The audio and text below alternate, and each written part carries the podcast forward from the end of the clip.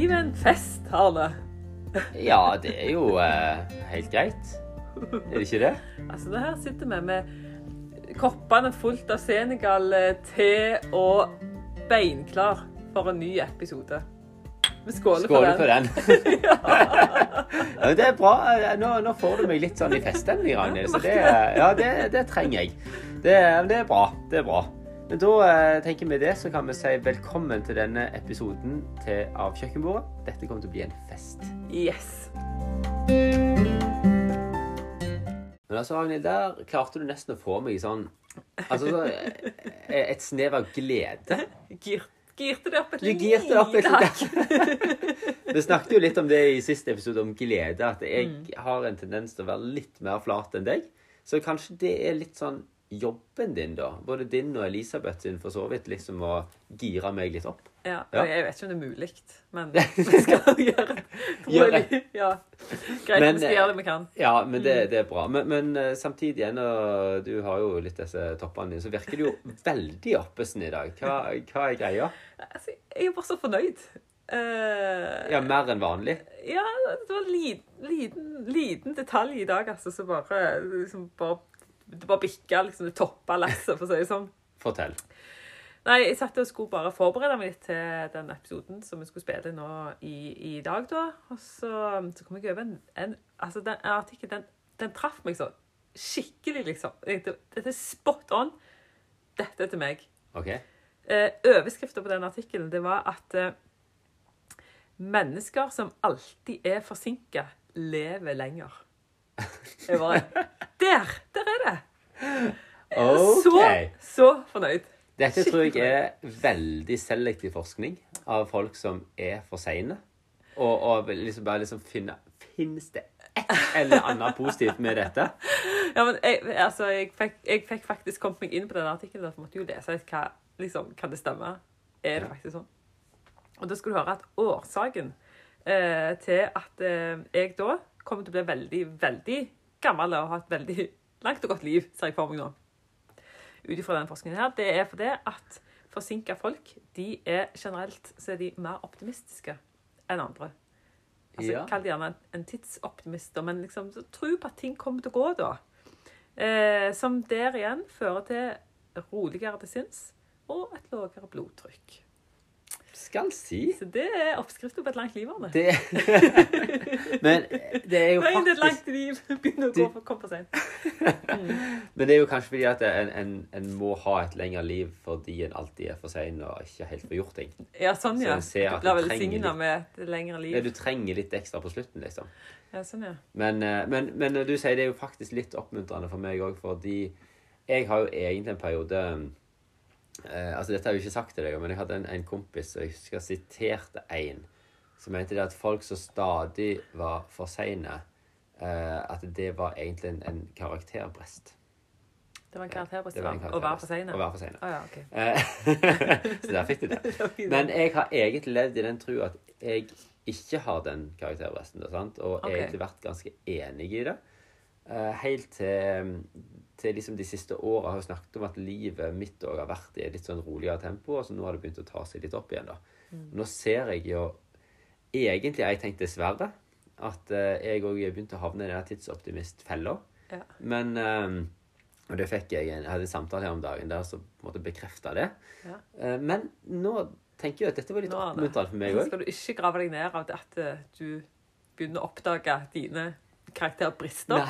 skal du ta det som bare en velsignelse Ja. inn i livet ditt. Men da jeg tar imot det. Ja. Ja. Jeg, jeg tror du trenger det, sa du. Ja, ja, men, men forrige gang så hadde du korona, og du var liksom litt sånn nedpå, men jeg ser at det, du er ikke helt på topp. Nei. Altså, Altså, det er derfor skal- jeg prøver nå. Gire litt opp og dra ut det jeg ser av energi. Men det har sin naturlige forklaring. Ja, og det, jeg vet jo ikke dette, men du skal få lov til å fortelle det her sjøl, Ja. Ja. For, for altså Én måte å bli litt sånn sliten på, eh, det er å få korona. En annen måte eh, å bli sliten på, det er å bli trebarnsfar. Ikke sant? Ja. Og da må vi jo si, som seg hører bør, gratulerer. Tusen takk. vel blåst. Ja, det, ja, det syns jeg. Så langt. Og ja, ja, nå er det slutt. Ja, nå er du ferdig. Ja. Nå er du i mål. Tre er nok. okay. Det er vi, enige om. Eh, men, eh, men jo, takk for det. Eh, og, og du, jeg kan bare si det at du eh, kom jo ut med en veldig fin dåpsgave i dag. Det er jo eh, kanskje en av de mest mer originale dåpsgavene. Altså, vi er jo vant med å få gjerne Vi har fått matboks, vi har fått eh, body, um, og type sånn kopp og sånn. Uh, du kom med surdeigsbrød. Yes! Men det Ja, altså jeg er, generelt sett jeg er jo ikke god på verken bursdager eller sånne, sånne gaver til sånne visse Sånn som du bør gi. Jeg er bare helt elendig på. Men å Men- ta med et brød, bake et brød, det, det kan jeg heller klare å få til. Da må jeg jo si da, at eh, Og vi setter veldig pris på de andre vi har fått òg, men dette brødet, det, er- det er i toppen av gavene. Eh, og så fikk guttene òg testa det. De var ikke så fornøyd med det. Nei. Nei Men eh, jeg og Elisabeth var veldig fornøyd. Så tusen takk for det. Ragnhild. Jo, Ja. så vær så god. Vær så god. Ja. Så, så det, det er liksom det som er grunnen for at du fremdeles er litt Ja da, altså det å gå, altså det å gå fra å få bekrefta korona på fredag til fødsel på onsdag, det, det er nok ikke anbefalt. Ja. Jeg tror ikke det står noen plass at det er anbefalt. Det er gjerne ikke oppskriften på et lykkelig liv. Nei, det, Og, og, det tror jeg ikke. nå ga jeg deg en veldig fin inngang her for Ja. et lykkelig liv. Det er faktisk det vi skal snakke om i dag. Mm. Um, fordi uh, du har nå holdt på å mase om ei bok som du har lest. Og så har du sagt at Ragnhild, her er det ting som vi må snakke om. Eh, og det er jeg enig i. Eh, men jeg vet jo ikke om alt det som står i denne boka. Jeg har liksom forberedt meg litt andre vis. Men Ja. ja. sånn, jeg gleder meg til å høre hva Altså, Hvorfor leser du denne boka, her, og, og, og hva er det denne boka her handler om, som er så viktig at vi snakker om? Ja, altså, denne boka her leser jeg første gang sikkert for eh, seks, syv, åtte år siden. eller sånt. Tror jeg har lest det en gang etter det òg. Eh, og så hadde vi jo sist episode om glede, da. Sant? Og da eh, gikk jeg forbi bokhylla, og da, da ser jeg jo litt sånn gjennom bokhyllene mine liksom, for å se er det noen bøker i forhold til det vi skal snakke om. Og sånn. Og så så jeg den, ei bok som liksom lyste litt opp, da. Altså sånn freshe farger og sånn typisk meg. Ja. Så eh, tenkte jeg at ah, der. Lykke sto det jo med store bokstaver på sida. Tenkte jeg den må jeg begynne å lese litt på. Så, så det begynte jo med det for en to-tre uker siden. eller et eller annet sånt. Uh, og så du sier, nå har jeg jo mast litt om den. Ja. For uh, jeg vet ikke om vi var innom den sist gang, men eh, så jeg, jeg, liksom, når jeg begynte å lese den igjen, da så, For vi snakket jo sist gang om at jeg er gjerne ikke den som kjenner mest på disse sprudlende gledesfølelsene. sant? Uh, og, og det er en sånn ting som jeg altså Hva er grunnen til det, da? Altså, det kan være mange grunner til det. Det snakket vi litt om sist gang. Men er det fordi at jeg ikke er lykkelig? Sant? Eller, eller har jeg lykkelige? har jeg ikke et godt liv, eller hva er, hva er greia? Eh, så tror jeg jo, det var jo litt inne på sist òg, at eh, glede ikke nødvendigvis er alltid disse her sky high, boblende følelsene hele veien. sant? Det, det kan se litt forskjellig ut. Og jeg tror nok at jeg kjenner på en del glede bare med litt annen intensitet enn f.eks. deg. Som når du leser en artikkel som du føler treffer deg, så er du liksom der oppe. Jeg hadde nok nik- nikket anerkjennende og syntes at dette var fint. Men, eh, men denne boka, da, den kjente jeg var, var godt å lese igjen. Og litt av eh, for, Altså, den er skrevet av en uh, abbed. Uh, altså en som er i uh, kloster i England. Og er i en, en orden, som de kaller det, forbi en tradisjon som heter benedikterordenen. Så er den, altså den første ordenen, eller den eldste ordenen forbi den katolske kirke. Men jeg, der må jeg bare Ja. faktisk få stoppe deg litt med en gang. For det, jeg bare synes det er sånn eh, Når du tenker på kloster, Mm. så tenker jeg eh, litt sånn stort, grått, kjedelig. Boker. Alle kledd i samme klær. Altså. Ja, Og der har de altså skrevet ei bok om lykke. om lykke. Om lykke. Og det gode liv. Og det gode liv. Ja, Ja. Og, og det, det som er interessant, da, bare si det litt først som innledning, fordi at eh, grunnen til eh, at eh, denne boka er kommet, det er bok nummer to som han har skrevet. Eh, bok nummer én heter 'Mitt stille rom'. som handla litt om stillhet og, og dette. Som igjen kom ut av at de sendte en serie på BBC for eh, over nå vet jeg ikke, 10-15 år siden, eller noe sånt, kanskje enda mer. Eh, jeg tror det var begynnelsen av 2000-tallet. Så heter The Monastery, eller altså klosteret. Mm. Og en tenker sånn, ok, hvem gidder liksom å sette seg ned på BBC en kveld og se? Jo, det, det ble tre millioner seere Oi. som fulgte dette. Eh, og det vi, og, og det liksom kom en strøm med folk til, til klosteret i ettertid. da. Eh, for dette trigga noe i folk. Så det var tydeligvis et eller annet i disse livene, eller dette livet, som ble vist på TV av disse grå murbygningene og svartkledde folk og, og kjedelige livet, som var tiltrekkende for folk. da. Og, og derfor så, så har det kommet ut en par bøker så han her som var på en måte litt sånn frontfiguren eh, i dette klosteret, abbeden, som har, har skrevet. Og det som jeg syns var så, så fint med denne boka om lykke, da, det er at det er på et veldig sånn praktisk plan. Og det han sier, det er at lykken, den kommer til oss indirekte. Og det betyr at det er på en måte ikke noe som En jager ikke etter lykken, men det handler om at uh, lykke, det er en måte å leve på. Altså du finner lykken med å leve på en måte, og så blir konsekvensen av å leve på den måten, det blir at du finner lykken. Så istedenfor liksom å jage etter følelser og opplevelser og alt sånt, så handler det om å ha noen områder å eh, Eller måter å leve på, da. Som vil gjøre deg lykkeligere. Og så tenkte jeg at, at ok, dette er liksom en sånn katolsk orden. Starta egentlig Leve etter en regel, eller eh, som starta på 500-tallet. Altså, hva har disse egentlig å si oss nå, da? sant? Liksom lukka samfunn og, og levd litt eh, Det blir jo på en måte litt sånn parallellsamfunn. sant? Enn at de er jo opptatt av å kunne bidra ut i samfunnet rundt og sånn. Så, så kan en jo gjerne tenke det. Eh, så var det liksom interessant når jeg dukka litt inn i dette, da. Eh, så, så sier jeg at de, de hviler jo selvfølgelig først og fremst på Jesus, evangeliet, um, og tar utgangspunkt i det. Men samtidig så har de dette med uh, gresk filosofi, da. Sånn, så du går gjerne 300-400 år før Jesus. Med Aristoteles, Platon, Sokrates, altså disse store filosofene. da. Og, og det de sier, de sier akkurat det samme. Sier det at det, lykken er ikke en flyktig følelse eller behagelige opplevelser, men en måte å leve på. Så det sa de altså for 2500 år siden.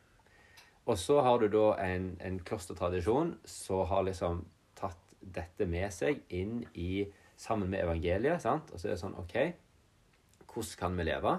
Og så er det interessant, og så sitter jeg og leser litt, sånn som sikkert du har gjort, leser meg opp litt på dette. Og så er det da en lykkeforsker i Norge sant? så, så eh, holder på med å og, ja, har forska på lykke og sett hva er det så sier akkurat det samme. Altså den dag i dag. Sant? Han, han hviler jo mye på Aristoteles og disse gamle filosofene. Sant? Men Ja, ja. akkurat som du en rød tråd her, da. Og det er sånn OK, hva er det i denne røde tråden, da? Ja, for det, eh, det jeg ble jo interessert i nå, for det at jeg, jeg liker jo jeg må jo innrømme at jeg liker tanken på et lykkelig liv. Ja. og, og jeg tror jo at uh, Er det ikke det liksom eh, vi ønsker for livet vårt, alle, da, sant? Uh, å få oppleve et godt liv, eller et lykkelig liv, og alt dette her. Så, så da blir jeg veldig nysgjerrig på når du sier at det er en måte å leve på. Ja, men hva måte da? Ja, altså det, det som var litt interessant, det var at det før disse greske filosofene, så var tanken det at eh, altså gudene styrte alt. Og gudene var ganske lunefulle, som de sier. Altså gudene var ganske sånn Ja, De kunne finne gresk på- mytologi. Ja, Eh, sant? De ja. kunne gjerne finne på det Ja, ja gresk mytologi, men òg andre eh, religioner. Ja, sant? Eller guder, om det var Egypt eller Østen. Eller, sant? Så var det liksom sånn eh, Du måtte please gudene, og hvis du var heldige, så var de snille med deg. Altså kort oppsummert. sant? Og så begynte jo disse her filosofene å si at ja, egentlig så handler Du kan ta litt kontroll over dette sjøl, da. Du kan faktisk gjøre noe. Det handler om at det fins noen måter å leve på som er bedre, rettere, og edlere og sannere enn andre. Og hvis du lever sånn som dette, så vil du kunne få et lykkelig liv. Og egentlig si da, altså de siste 2500 åra, så har kanskje det vært sånn hovedspørsmålet nesten til, til mennesker. Fordi at plutselig så så en at å ja, jeg kan faktisk gjøre noe. Jeg er ikke bare overlatt til tilfeldighetene og til gudenes spill og alt sånt. sant? Um, og noe av det de mener, da, så, så å gå som en rød tråd her, og som jeg syns er litt sånn interessant, da, det er at eh, OK, det måten du, du kan oppnå lykke på, eller få et godt liv på, det er å eh, oppnå ditt potensial. Sant? Altså det vil si, du er blitt gitt noen ting, eller du har noen gaver, eller du har, du har gitt, blitt gitt et liv. sant? Og hvis du klarer å realisere det Vi hadde jo litt om selvrealisering for en Ja. par eh, episoder siden. Men hvis du klarer på en måte å realisere det du er blitt gitt, og bruke det på en god måte, så altså det, det er jo en måte å leve på. Da vil du oppleve et godt liv. Og da blir jo mitt kritiske spørsmål Ja. Merker jeg ikke helt Nei, overbevist. nei, jeg hører det. Ja. Nei, men, eh, men eh, da blir jo liksom litt, litt Mitt spørsmål inn i det er jo dette her fordi Det hender jo at livet bare snus på hodet og, Mm. og blir veldig vanskelig, sant. Eh, det har vi jo delt en del om Mm. i denne podkasten, og hvordan vi på ulike måter har ja, i perioder av livet erfart at uh, ingenting funka. Og, um, og, og egentlig over en del år, da, um, er det ikke mulig å kjenne på lykke og liksom et godt liv hvis en står i tøffe tak. Mm. Det er jo en ting som jeg òg stilte meg det spørsmålet når jeg har lest dette. sant? Men, men nå, er- hvis jeg kan si det først, da, eh, før jeg svarer på det, eh, så, så fortalte jeg jo litt sånn både liksom hva han lykkeforskeren i Norge eh, mener, det han sier, og det, dette er jo litt sånn den greske filosofien, det Aristoteles og sånn. Eh, det som står i den boka, da, som jeg syns er ganske interessant, eh, der snakker de om at eh, det er Eh, Det er jo noe som i, i katolsk tradisjon kalles de åtte dødssyndene. Ja. Det er liksom åtte, åtte ting som på en måte ødelegger livet. da. Eller med, med å bryte ned. Og så har du da åtte dyder. Altså det vil si åtte gode ting som jeg kan strebe etter. Og det de mener da i den klostertradisjonen, det er at um, hvis du skal oppnå et lykkelig liv, så har du på en måte åtte sånn eh, De kaller det vadesteiner, men åtte på en måte sånn eh, Dyder eller Dyder, ja. Jeg vet ikke hva, Det er et sånn vanskelig ord med dyder, men åtte eh, Gjerninger. områder, gjerninger, ja. eller områder i livet, kan jeg kanskje si, eh, som Hvis en på en måte kjemper litt imot disse, disse tingene som vil være med å ødelegge, da. Sant? Eh, altså Jeg lurer på om ikke ei av de er f.eks. gjerrighet. OK. Sant? Mm. Eh, eh, eller griskhet er det vel kanskje. Eh, sant? Og så har du på en måte den andre sida, som er da mer den Nå husker jeg ikke akkurat ord, men raushet eller noe sånt. sant? Mm. Så handler det om å, å måte kjempe imot den som måte vil dra deg vekk ifra det gode. Mm. Men kjemper du imot den, så vil du på en måte oppnå det gode, da. Okay. Hvis du er med. Ja, Sant? Ja, ja. Ehm, og, og det syns jeg er ganske sånn interessant, for det, det er veldig sånn konkret. da. Og i den boka så går du gjennom alle disse åtte områdene. Og Mm. eksempel, og, og hvordan en kan ja, Mm. le, leve ut dette, da. Mm. Så, så det, ehm, det, det er veldig sånn fordi at da han, Og og litt da tilbake på, til spørsmålet ditt, så Mm. handler det kanskje vel så mye om en holdning enn en prestasjon. Mm.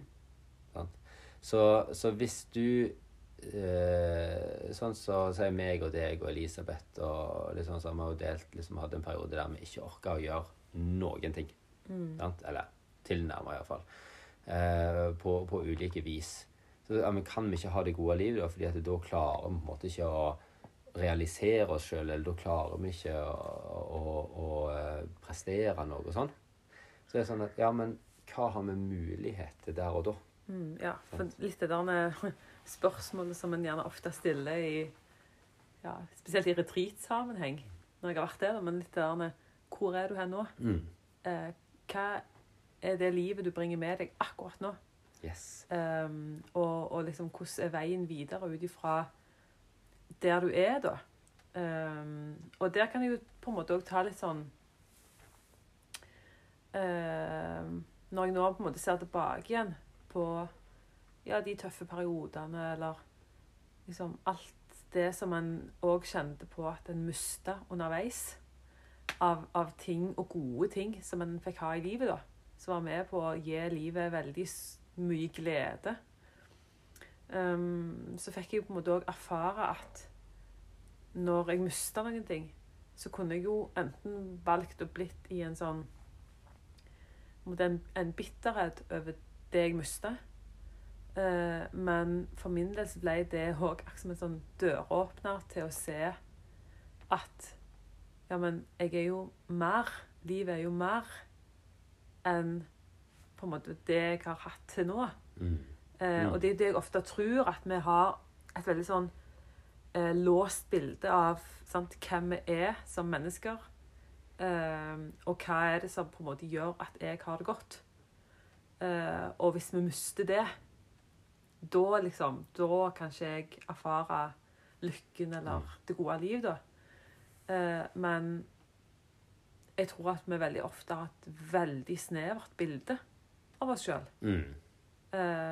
Og at eh, tøffe perioder òg kan fungere som døråpnere da, på, på lengre sikt. Mm.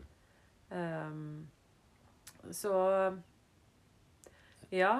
Helt Jeg er sant. litt med på noe av dette her. Du er litt med på det. men... Du må synke litt inn, skjønner jeg. da, og, og her er det mye Jeg merker jeg bare får hoppe hoppa litt fram og tilbake og skrape litt overflat. Men det, det jeg syns er interessant her, da altså For å ta livet mitt som et eksempel. Mm. Så hvis jeg hopper eh, 15-20 år tilbake sant?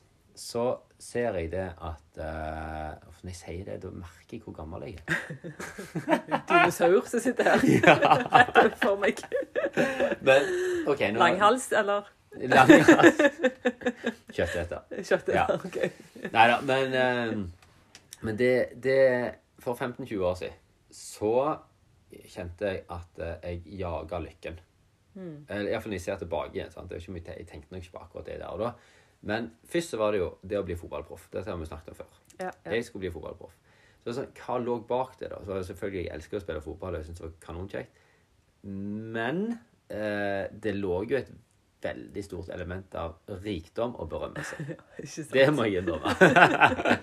det Altså, jeg bare så for meg Jeg vet ikke hvor mange ganger jeg har fantasert om å skåre vinnermålet, eller liksom Casha inn. Casha inn, ja. sant? Altså, Å bare få all applausen og stående ovasjoner og Ja, nei. Sant? Så, så, men så var det jo Etter en stund så var det jo sånn ja, mindre realistisk at det skulle skje, da. Sant? Eh, og da var det en annen interesse som overtok, og det var pokerspilling. Sant? For det, der var det kanskje litt mindre berømmelse, det kunne være litt av det òg, men det var mye penger. Sant? Ja. Og jeg, jeg har ikke tall på hvor mange timer eller mye energi eller for så vidt penger jeg har investert i Skulle, du, skulle vi liksom satt oss ned og regna på det Nei. dagene? Jeg tror ikke det. Bare for å få det litt sånn svart på hvitt. Jeg tror, jeg, jeg tror det er en dårlig idé. Ok. Ja, men, eh, men tingen er at eh, dette, de tinga da, eh, var jo et litt sånn tanke om at eh, dette ville gjøre meg lykkelig. Det var jo det jeg hele veien Når jeg tenker tilbake, det er jo nesten litt sånn flaut å si det, men, men jeg gikk jo og tenkte alt jeg skulle kjøpe meg, det store huset jeg skulle ha, og det som lå til grunn for det, var en slags det var jo en frihetsfølelse. Ja, ja, sånn? ja. Jeg husker vi snakket om jo, hadde en episode om valg, der vi snakket om at eh, litt sånn mantra som går igjen, da, sant, er jo at eh, hvis du maksimerer valgmulighetene dine nei, For å maksimere frihet, så må du maksimere valgmuligheter. Og da får du maksimere lykken. Og litt av min brikke i det var at maksimere rikdom. Fordi da får du iallfall valgmuligheter, du får frihet, og du får lykke. Sant? Så det var litt sånn tanken bak det. Ja. eh, så ser jeg jo at det, jeg ble aldri fotballproff, jeg ble aldri rik på poker. Eh, sant? Men så ser jeg jo nå lever jeg jo et ganske annet liv, da. Eh, og så er spørs, liksom spørsmålet som stiller meg, er det liksom til det bedre for meg? Så ser jeg at ja, jeg lever faktisk litt mer i tråd med det som greske filosofene, klostertradisjonen, han lykkeforskeren her Altså det å prøve å leve etter noen Det høres nesten feilt ut, noen dyder. Eller i hvert fall Verdier. verdier. Noen måter å leve på som om ikke sånn umiddelbart du casher inn lykke på det, så er du på en vandring der du bare får erfare mer og mer Ja, egentlig et godt liv, da. Eh, en tilfredsstillelse. Så er jo et ord jeg så i en sånn lykkeforskning som dukket opp på nytt og på nytt. En tilfredsstillelse. Ja. Så jeg kan kjenne på det. Som jeg tror er en frukt av det å leve på en viss måte. Og så, så tenker jeg at det er en sånn ting en må prøve seg litt fram. Og, og at det, det er enormt viktig at det ser veldig forskjellig ut. For fem år siden så så det ut som jeg for, for det meste ligger på sofaen. Kanskje gå ut og jobbe litt i hagen, legge seg på sofaen igjen, lese litt, sove. Sant? Ja, altså, sant. mens nå ser det jo helt annet ut. Med, ja. med det vi holder på med her, med jobb med tre unger, med eh, to jobber. altså ser veldig forskjellig ut. Men jeg tror det går an å erfare og oppleve det gode livet i begge situasjoner. da. Mm. Men det er en holdning, en tilnærming til hvordan en angriper det. En måte å leve på. Og konsekvensen blir lykke. Veldig, veldig interessant disse tankene. Altså jeg, hvis jeg liksom prøver å tenke litt tilbake igjen på eh, ja, typisk den starten av 20-åra eller den tida der der du liksom skal eh, prøve ut dette litt mer voksne livet og finne ut hvordan er det egentlig jeg vil leve dette livet her, og hva er det jeg drømmer om, hva er, det jeg, ja, hva er liksom lykken i livet, da. Tror nok jeg har sett litt mer for meg at ja, lykken det er jo sånn som kommer rekende på ei fjøl. heldigvis forbi, Derfor så må du alltid ha alle muligheter åpne, sånn at du kan hoppe på. ja, Sant? Så den lykken Woo, Der kom han! Topp! Derfor så må du ha ingen forpliktelser i livet. For all del aldri låst deg fast i et forhold. Nei. Det er jo døden. Nydelig. Da kan lykken seile forbi. Du får du ikke være med. Å, så herlig. Litt sånn Mm. Jeg tror jeg faktisk jeg har liksom tenkt om Ja, men det der med å ha på en måte eh, at Jeg tror friheten sånn som du også var inne på, at friheten ofte er et sånn nøkkelord inn i eh, Når jeg på en måte liksom har prøvd å jage lykken, da. Eh, at det er liksom der At frihet og lykke henger jo ganske tett i sammen. Eh, og ja, at frihet liksom er jo det å alltid ha mulighet til alt. Eh, og så er det jo gjerne det da når sant? livet snus på hodet, og du mister egentlig all mulighet til å kunne velge hva du vil. Og så litt som jeg sa, jeg tror det var i siste episoden vi snakket om dette med glede, da, at den gleden jeg kan kjenne på som vokser inni meg nå i dag, eh, en, en annen form, en sterkere form for glede enn den jeg gjerne hadde for 15 år siden. Eh, så så, så der, er, der er jo noe her som Ja, det er, jo, det er jo verdt å tenke litt over, da. Sant? Mm. Hva skal til for at eh, livet er, er, er godt, da? Og jeg tror jeg har sagt det før òg, men det er jo liksom i møte med På en type opptreningsavdeling for ryggmargskada pasienter, der virkelig alle liv er snudd så totalt på hodet, eh, og allikevel erfare at her er det folk som De sitter i rullestol, men de lever oppreist liv. Skjønner du? Mm. Eh, og det ser ut som de faktisk gleder seg over livet. Ja, Altså- ikke sant? Ja. Og det handler jo noe om Altså, det er en interessant tanke, det der med å kjenne etterpå OK, hva er egentlig verdiene mine i livet? Og på en måte lever jeg, lever jeg i tråd med det som er mine verdier for livet? Mm. Eh, og at det òg kan på en måte være nøkkelen, en slags døråpner til å ja, få kjenne på at livet er godt, og at det ikke plent handler om rikdom og berømmelse og det å alltid kunne velge alt. Nei. Nei, for det er jo det jeg har nevnt et par ganger, at eh, på en måte er valgmulighetene mine har jeg jo innskrenka på en måte med å si at eh, jeg ønsker at Jesus skal være herre i livet. Ja. For det er jo plutselig noen andre som bestemmer. Mm. Men det har jo ført til en større frihetsfølelse.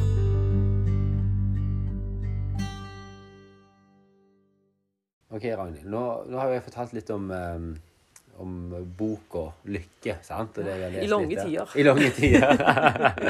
nå skal du snart få en pause med den. Uh, men jeg har begynt på en ny bok eh, på beadvar deg på 600-700 sider nå. Så uh, okay. den kommer du til å høre om i ei tid framover. Ti neste Yes. podkastepisoder. Eh, men eh, du hadde jo òg tydeligvis, siden du var så oppesen og hadde lest deg opp på noe forskning og et eller annet noe som hadde truffet deg. Har, har du lest deg opp på noe mer sånn matnyttig for oss andre òg, eller var det bare liksom så traff deg? Åh, det var kun til meg. Alt sammen. Det var kun til meg. Oi, oi, oi.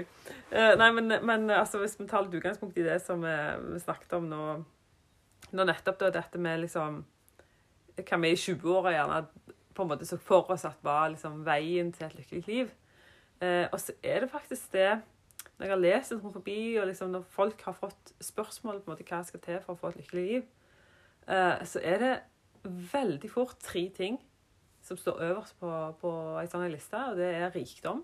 Ja. Altså, veldig sjelden sånn ble verdens rikeste, ja. men bare litt mer penger. Altså litt mer. Eh, eh, berømmelse. Jeg er jo spot on her. Ja, ja, ja. Du, er, du levde i 2022. Yes. For, for en tid. Eh, men, men så er det òg det å jobbe hardt. Gjerne hardere og hardere. Altså ja, utrette mer og mer. Mm. Eh, og, og hvis jeg liksom eh, Selv om det er mange som når jeg sier dette, her, tenker nei, det er ikke det jeg liksom tenker skal til for at jeg skal få et lykkelig liv. Men hvis vi liksom zoomer litt ut og ser på hvordan eh, samfunnet faktisk er, da Der vi Hva prioriteringer er det vi gjør? Hvor mye jobber vi faktisk? Eh, hvor mye betyr det for oss å få de pengene inn på kontoen? For å kunne gjøre de opplevelsene? For å, sant? Eh, så tenker jeg ja, kanskje viser livet vårt mer enn noe annet at dette er styrende for oss, da. Og, og liksom at alle vil jo ha et godt liv. Mm. Eh, så hvorfor bruker vi så mye tid på liksom disse tre tingene? Eller det å liksom jobbe, det å tjene penger, det å liksom Ja, gjerne mer og mer, da.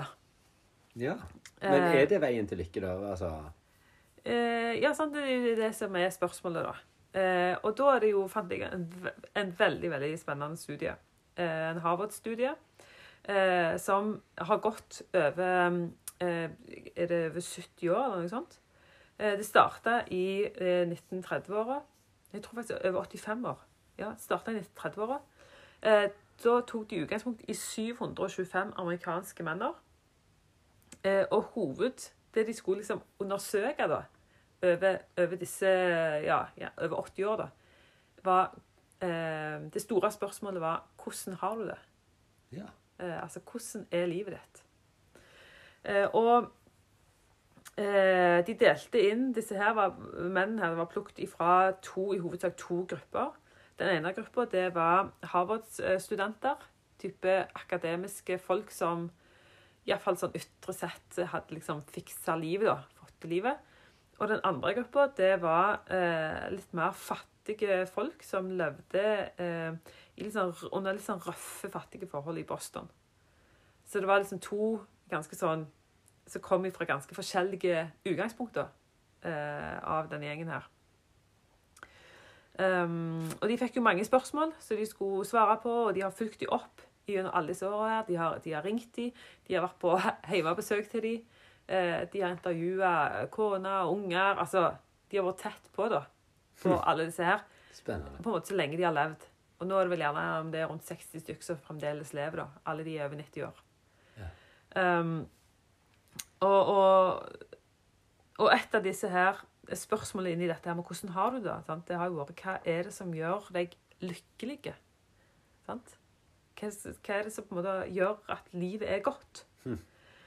Og han som nå da er leder for denne undersøkelsen, det har jo vært flere i og med at det har foregått så mange år, men han sa det at det skal på en måte koke det ned til én ting som virkelig peker seg ut, så er det at gode relasjoner, det er det som gjør oss lykkelige. Ferdig snakka, liksom. Det er, måte, det er relasjoner. Så det er ikke rikdom og ikke berømmelse? Nei, det ser ikke sånn ut. Og heller ikke om du klarer alltid å gå så dypt i deg sjøl at du klarer å hente ut alle verdier og leve i tråd med og altså Jeg tenker liksom, Det er mange, veldig mange gode tanker sånn, rundt det som vi snakket om i forrige, som òg altså Før vi hadde den lille pausen, at som vi òg kan på virkelig reflektere litt over, da. Men eh, gode relasjoner er på en måte et, sånn et svar som de aller fleste hva skal jeg si, kan forholde seg til på en måte. Mm. Eller kan klare å ha noe som de gjenkjenner i det. Um, så eh, videre så, så sa han som leder denne studien nå, da, så sa det at det, jeg kan også liksom si at det er tre på en måte hovedfunn i denne studien her. Eh, og det første er jo dette her med altså, sosiale relasjoner. Det er virkelig bra for oss. Altså virkelig bra. Ja. Og ensomhet, det dreper. Veldig sånn hardt og på Ja, er- men eh, ja. Det er liksom første greiene. Det andre, det er at eh, det viktigste med relasjoner, da, det er ikke kvantitet, altså hvor mange relasjoner du har, men det er kvalitet. Altså hvor gode relasjonene faktisk er. ja. Eh, og da sier han at en, en god relasjon ehm, Det er en relasjon som du virkelig føler at du kan lene deg på. Som du tenker denne, denne personen her ville vært for meg. Eh, vært der for meg og støtta meg hvis livet ble tøft. Interessant. Ja, og så punkt nummer tre. eh, Det at, eh, at gode relasjoner det beskytter ikke bare kroppen, altså sånn fysiologisk, eh, men òg hjernen. Så det vil si at eh, de som eh, De som hadde best hukommelse lengst opp i alder, det var de som òg beskrev at de hadde hatt gode relasjoner gjennom livet sitt. Så gode relasjoner hjelper på hjernen IQ-en din, Arne. IQ-en. Eh, Jeg syns dette Altså, jeg syns det var så Dette spennende er å se. superinteressant. Ja. Eh, og så sa de òg det at de som eh, De som var på en måte mest tilfreds, eller hadde det på en måte best relasjonelt i 50-åra, eh, det var de som var friskest i 80-åra. Hm. Eh, ja. Mm. Altså, så det å ha gode relasjoner i livet, eh, det gir deg på en måte den det gir deg, For det, det å ha et godt liv, det handler jo òg om å uh, Altså, det handler om det fysiologiske, det handler om det mentale. Altså, det handler jo Et godt liv handler ikke bare om en liten del av livet, men det handler jo om hele pakken. Mm. Og så sa du òg at de som hadde gode relasjoner, uh, de evner òg bedre Altså hvis det kommer motstand, da. Eh, altså det å takle den motstanden som kom. sant? For det er jo ikke sånn at det, bare du har gode nok relasjoner, så møter du aldri motstand i livet. Det er jo ikke sånn det sammen. Eh, men, men at gode relasjoner liksom var på en måte en sånn virkelig nøkkel her, da. Hm. Eh, og så, er det litt sånn rart, det, sant? For dette OK, eh, gode relasjoner, ja. Er det hva Altså, eh, noen som jeg virkelig kan stole på. OK, men ja, mine relasjoner er jo gjerne eh, til tider rodete, kaotiske, vanskelige. Altså Og det han var tydelig på, var at mm, det handler ikke De gode relasjonene Det er ikke sånn at de ikke inneholder det vanskelige. Eh, Det er gjerne det de nettopp det de inneholder. Eh, Men det er liksom det der med å kunne stole på, da. Så, så, så Altså, vi som er mennesker, sant Vi skulle jo veldig gjerne ønsket oss en sånn quick fix. Mm. Altså Veldig ofte så ønsker vi den der Hvor er den kjappe løsningen Mm. til dette lykkelige livet? Sånn som jeg sa at det, så jeg for meg at det bare var noe som skulle komme rekende på ei fjøl som kunne hoppe på. Ja. Altså, sant? Det er noe du som bare inntreffer i livet. Det er ikke noe du kjemper for. Um, er relasjoner quick fix, liksom? Nei. Uh, nei, ikke sant? Hm. Eh, skulle veldig gjerne bare ønsket at det var en ting jeg kunne bare tjene nok penger til å kjøpe. Ja. Og så gikk du på butikken, så kjøpte du lykke, og så hadde du det. Sånn var det resten av livet. sant? Tenk så Mm. Deilig. Men det er jo litt interessant for, for litt det, det som jeg snakket om utenfor den boka òg, og, og det som var hovedpoenget altså, er jo at lykken kommer til oss indirekte, som jeg sa. sant? Ja. Og, og, og det er jo litt sånn med relasjoner òg, tenker jeg. fordi at eh, det er jo ikke sånn at eh, nå skaffer jeg meg en relasjon for å bli lykkelig, egentlig. sant? Men, men, men det er jo ganske naturlig for oss, Ja, dette med relasjoner. Og, og som en konsekvens av det å ha gode relasjoner, da, så kommer lykken. Det er jo, det er jo- en måte å leve på. På en måte Mer enn at noe du jager, eller som du sier, en quick fix, eller, Ja. eller noe du kan kjøpe, eller et eller annet sånt. Ja. Men, men så har jeg jo et spørsmål til deg, da. For på samme måte så eh, OK, hvis du ikke har kapasitet til å, eh, til å leve etter dine standarder verdier, altså litt sånn som du spurte meg, sant? så er det sånn Ja, men hva hvis du ikke har gode relasjoner? Hva hvis du ikke har mulighet, eller mulighet, eller kapasitet, eller ork, eller sjøltillit Altså, det er jo ikke alle som har venner. Nei, og det er jo på en måte den på en måte pandemi nummer to. hvis vi Ja. si det sånn, da? Ensomhet. Mm. Eh, som virkelig er noe vi skal ta på alvor, tenker jeg da. Eh, og som jeg òg kjenner på som en sånn eh, Hva skal jeg si ansvar overfor. Jeg vet ikke helt hvordan jeg skal møte opp i det, men, men, men det der med å liksom eh, Ta imot folk, da. Eh, gi plass for folk i livet. Og, og ingen kan jo være for alle. Eh, men, men på en måte, hvem er, som, hvem er det som krysser min vei? Hvem er det jeg kan se? Um, og så tror jeg òg at um, at det med å liksom ha gode relasjoner, det handler òg om å gi av seg sjøl. så der igjen, sant Det er jo veldig fint hvis de gode relasjonene kommer regende på ei fjøl, sånn som jeg drømte om at lykken skulle gjøre. sant? Mm. Så bare inntraff i livet og Ja. Eh, men min erfaring når jeg begynte å henge med deg og Elisabeth, eh, det var jo at du og Elisabeth dere begynte å, å liksom åpne opp og dele av òg det sårbare i livet. Og det inviterte meg òg til å dele de sårbare tinga.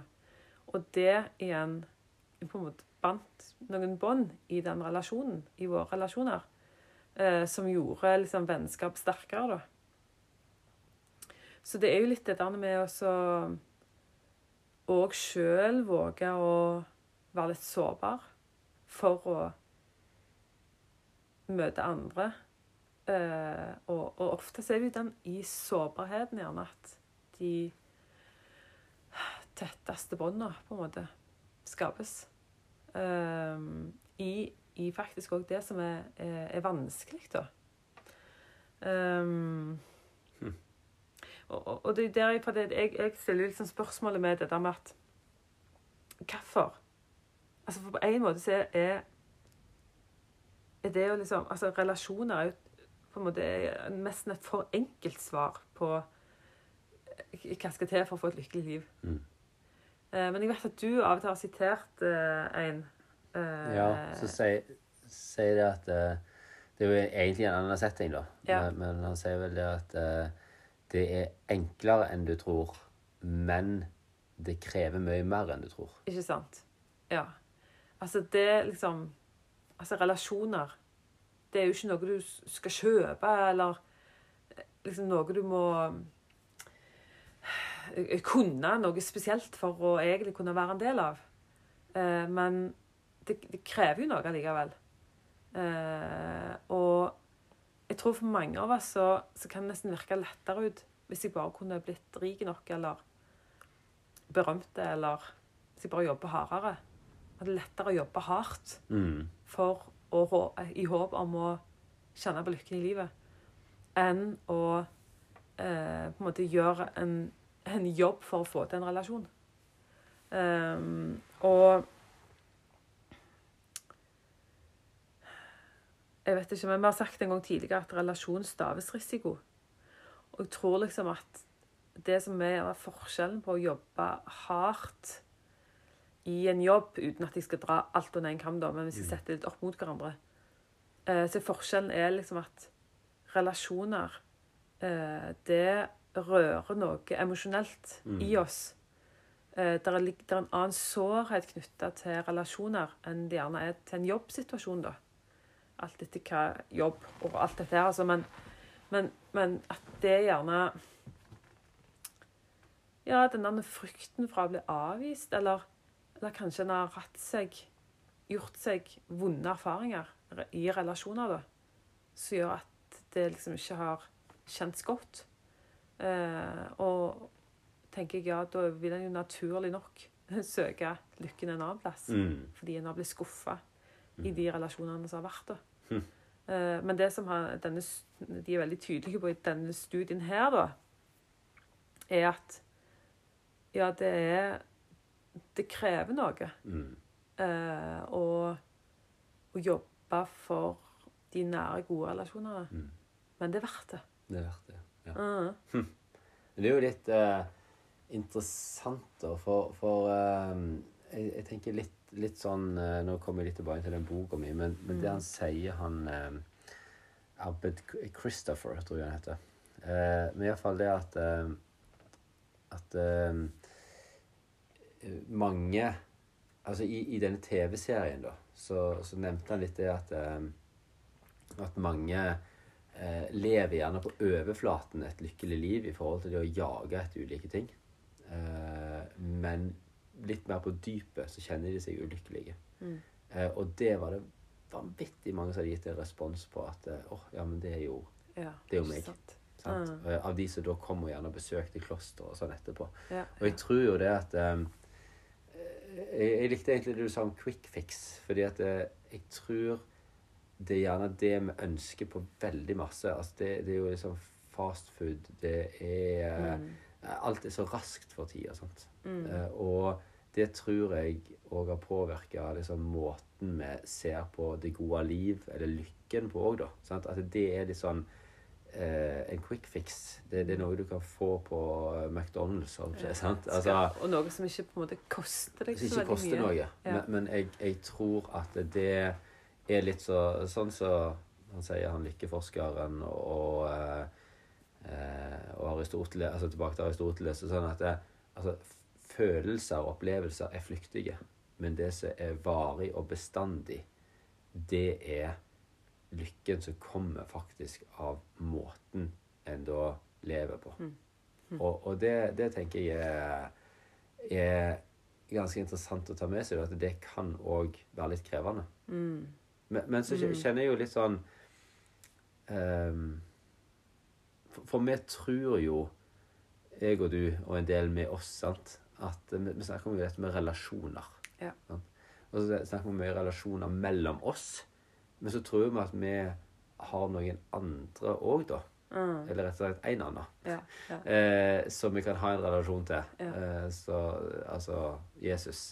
Som Du snakker om dette med, med gode relasjoner. Så når du snakker her gjennom den studien, liksom, så, så akkurat så det som går litt gjennom hodet mitt, er at den du beskriver, som på en måte kan oppfylle denne relasjonen liksom sånn på alle punkter. Mm. Altså i forhold til tillit, i forhold til sårbarhet, i forhold til å kunne stole på nærhet. Um, det er jo Jesus. Mm. Altså Han er jo på en måte sånn bilde på den gode relasjonen, ja, ja. tenker jeg. Eh, ja.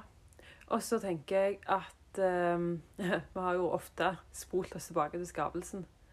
Uh, og, og der er det så tydelig, liksom, for det står jo på en måte at Gud skapte Adam, men og, og, og Adam var på en måte Han fikk leve så tett med Gud. Sant? De vandra sammen i hagen der. Snakk om relasjonen, liksom. Ja. På, altså sånn synlig òg. Ikke bare i liksom, Adam i den synlige og Gud i den usynlige, men ja. Ehm, men så, så, så var det liksom det at eh, Gud så at det ikke er godt for Adam å være alene, så skapte han Eva òg. På en måte at Mm. um, vi er gitt uh, en invitasjon til en relasjon uh, til Jesus, til Gud, som virkelig, altså uh, han, han svikter ikke, sant? Eh, han holder livet ditt. Og samtidig så, så er vi skapte til fellesskap med hverandre.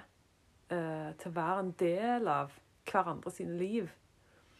Og, og hvis vi tenker oss at Gud, sant, det der det store mysteriet med den treenige Gud sant, det er jo, vi, vi fatter jo ikke helt greia der, men, men, men noe av poenget der er jo at Fader, Sønn og Hellig Ånd, tre i én, altså det der fellesskapet deres, at Gud sjøl er fellesskap. Det sier jo noe om at hvis vi er skapt i hans bilde, i bildet til han som er fellesskap, som er bygd opp av relasjoner, da, så det er klart at eh, sånne studier som, som det blir gjort i nyere tid, eh, som på en måte bare understreker Setter to streker under det som Bibelen ble skrevet ned i Bibelen for flere tusen år siden. Ja. Og, og, når, og når Jesus på en måte får et spørsmål om Altså, hva er det aller, aller, aller viktigste? Ja. Sant? Så sier han at OK, dette er jo litt så fritt oversatt, og vi sier at ok, hvis jeg skal oppsummere alt det du vet i, i det vi kaller Gammeltestamentet, profeten, Mosebøkene og sånn Mm. Hvis jeg skal, jeg skal oppsummere alt i én ting, så er det du skal elske Herren din Gud av hele ditt hjerte, hele sjel og all din forstand, og de neste som deg sjøl. Ja. Det er jo relasjoner. Mm. Elsker Gud, elsker de neste. Ja, ja. Og for så vidt elsker deg sjøl, som Ja. det står der. Elsker som deg sjøl. men det å elske andre, elske Gud Mm. som Jesus bare oppsummerer hva er det viktigste. Mm. Jo, relasjon til Faderen, relasjon til andre. Ja. Det er veldig, veldig interessant. Og nå er vi nødt til å, å, å, å avslutte Ja, det, det må man. episoden. Men jeg, jeg vil bare si en siste, siste ting til slutt. der, fordi i mitt hode, da, sånn før jeg ble skada, så lå på en måte altså lykken, friheten, det gode liv Det lå egentlig milevis ifra eh, et, på en måte et liv med begrensninger, med skader, med smerte. Eh, og ja, de vonde tinga, da. Um, altså, så, så Når en plutselig havner i en sånn en, en vanskelig situasjon Det å erfare at OK, her òg kan jeg oppleve at livet kjennes godt. Eh, Liksom til og med i dette. Eh, og, og det minner meg liksom på litt om at nå liksom OK, dere har fått eh, ei jente som har kommet nå nettopp.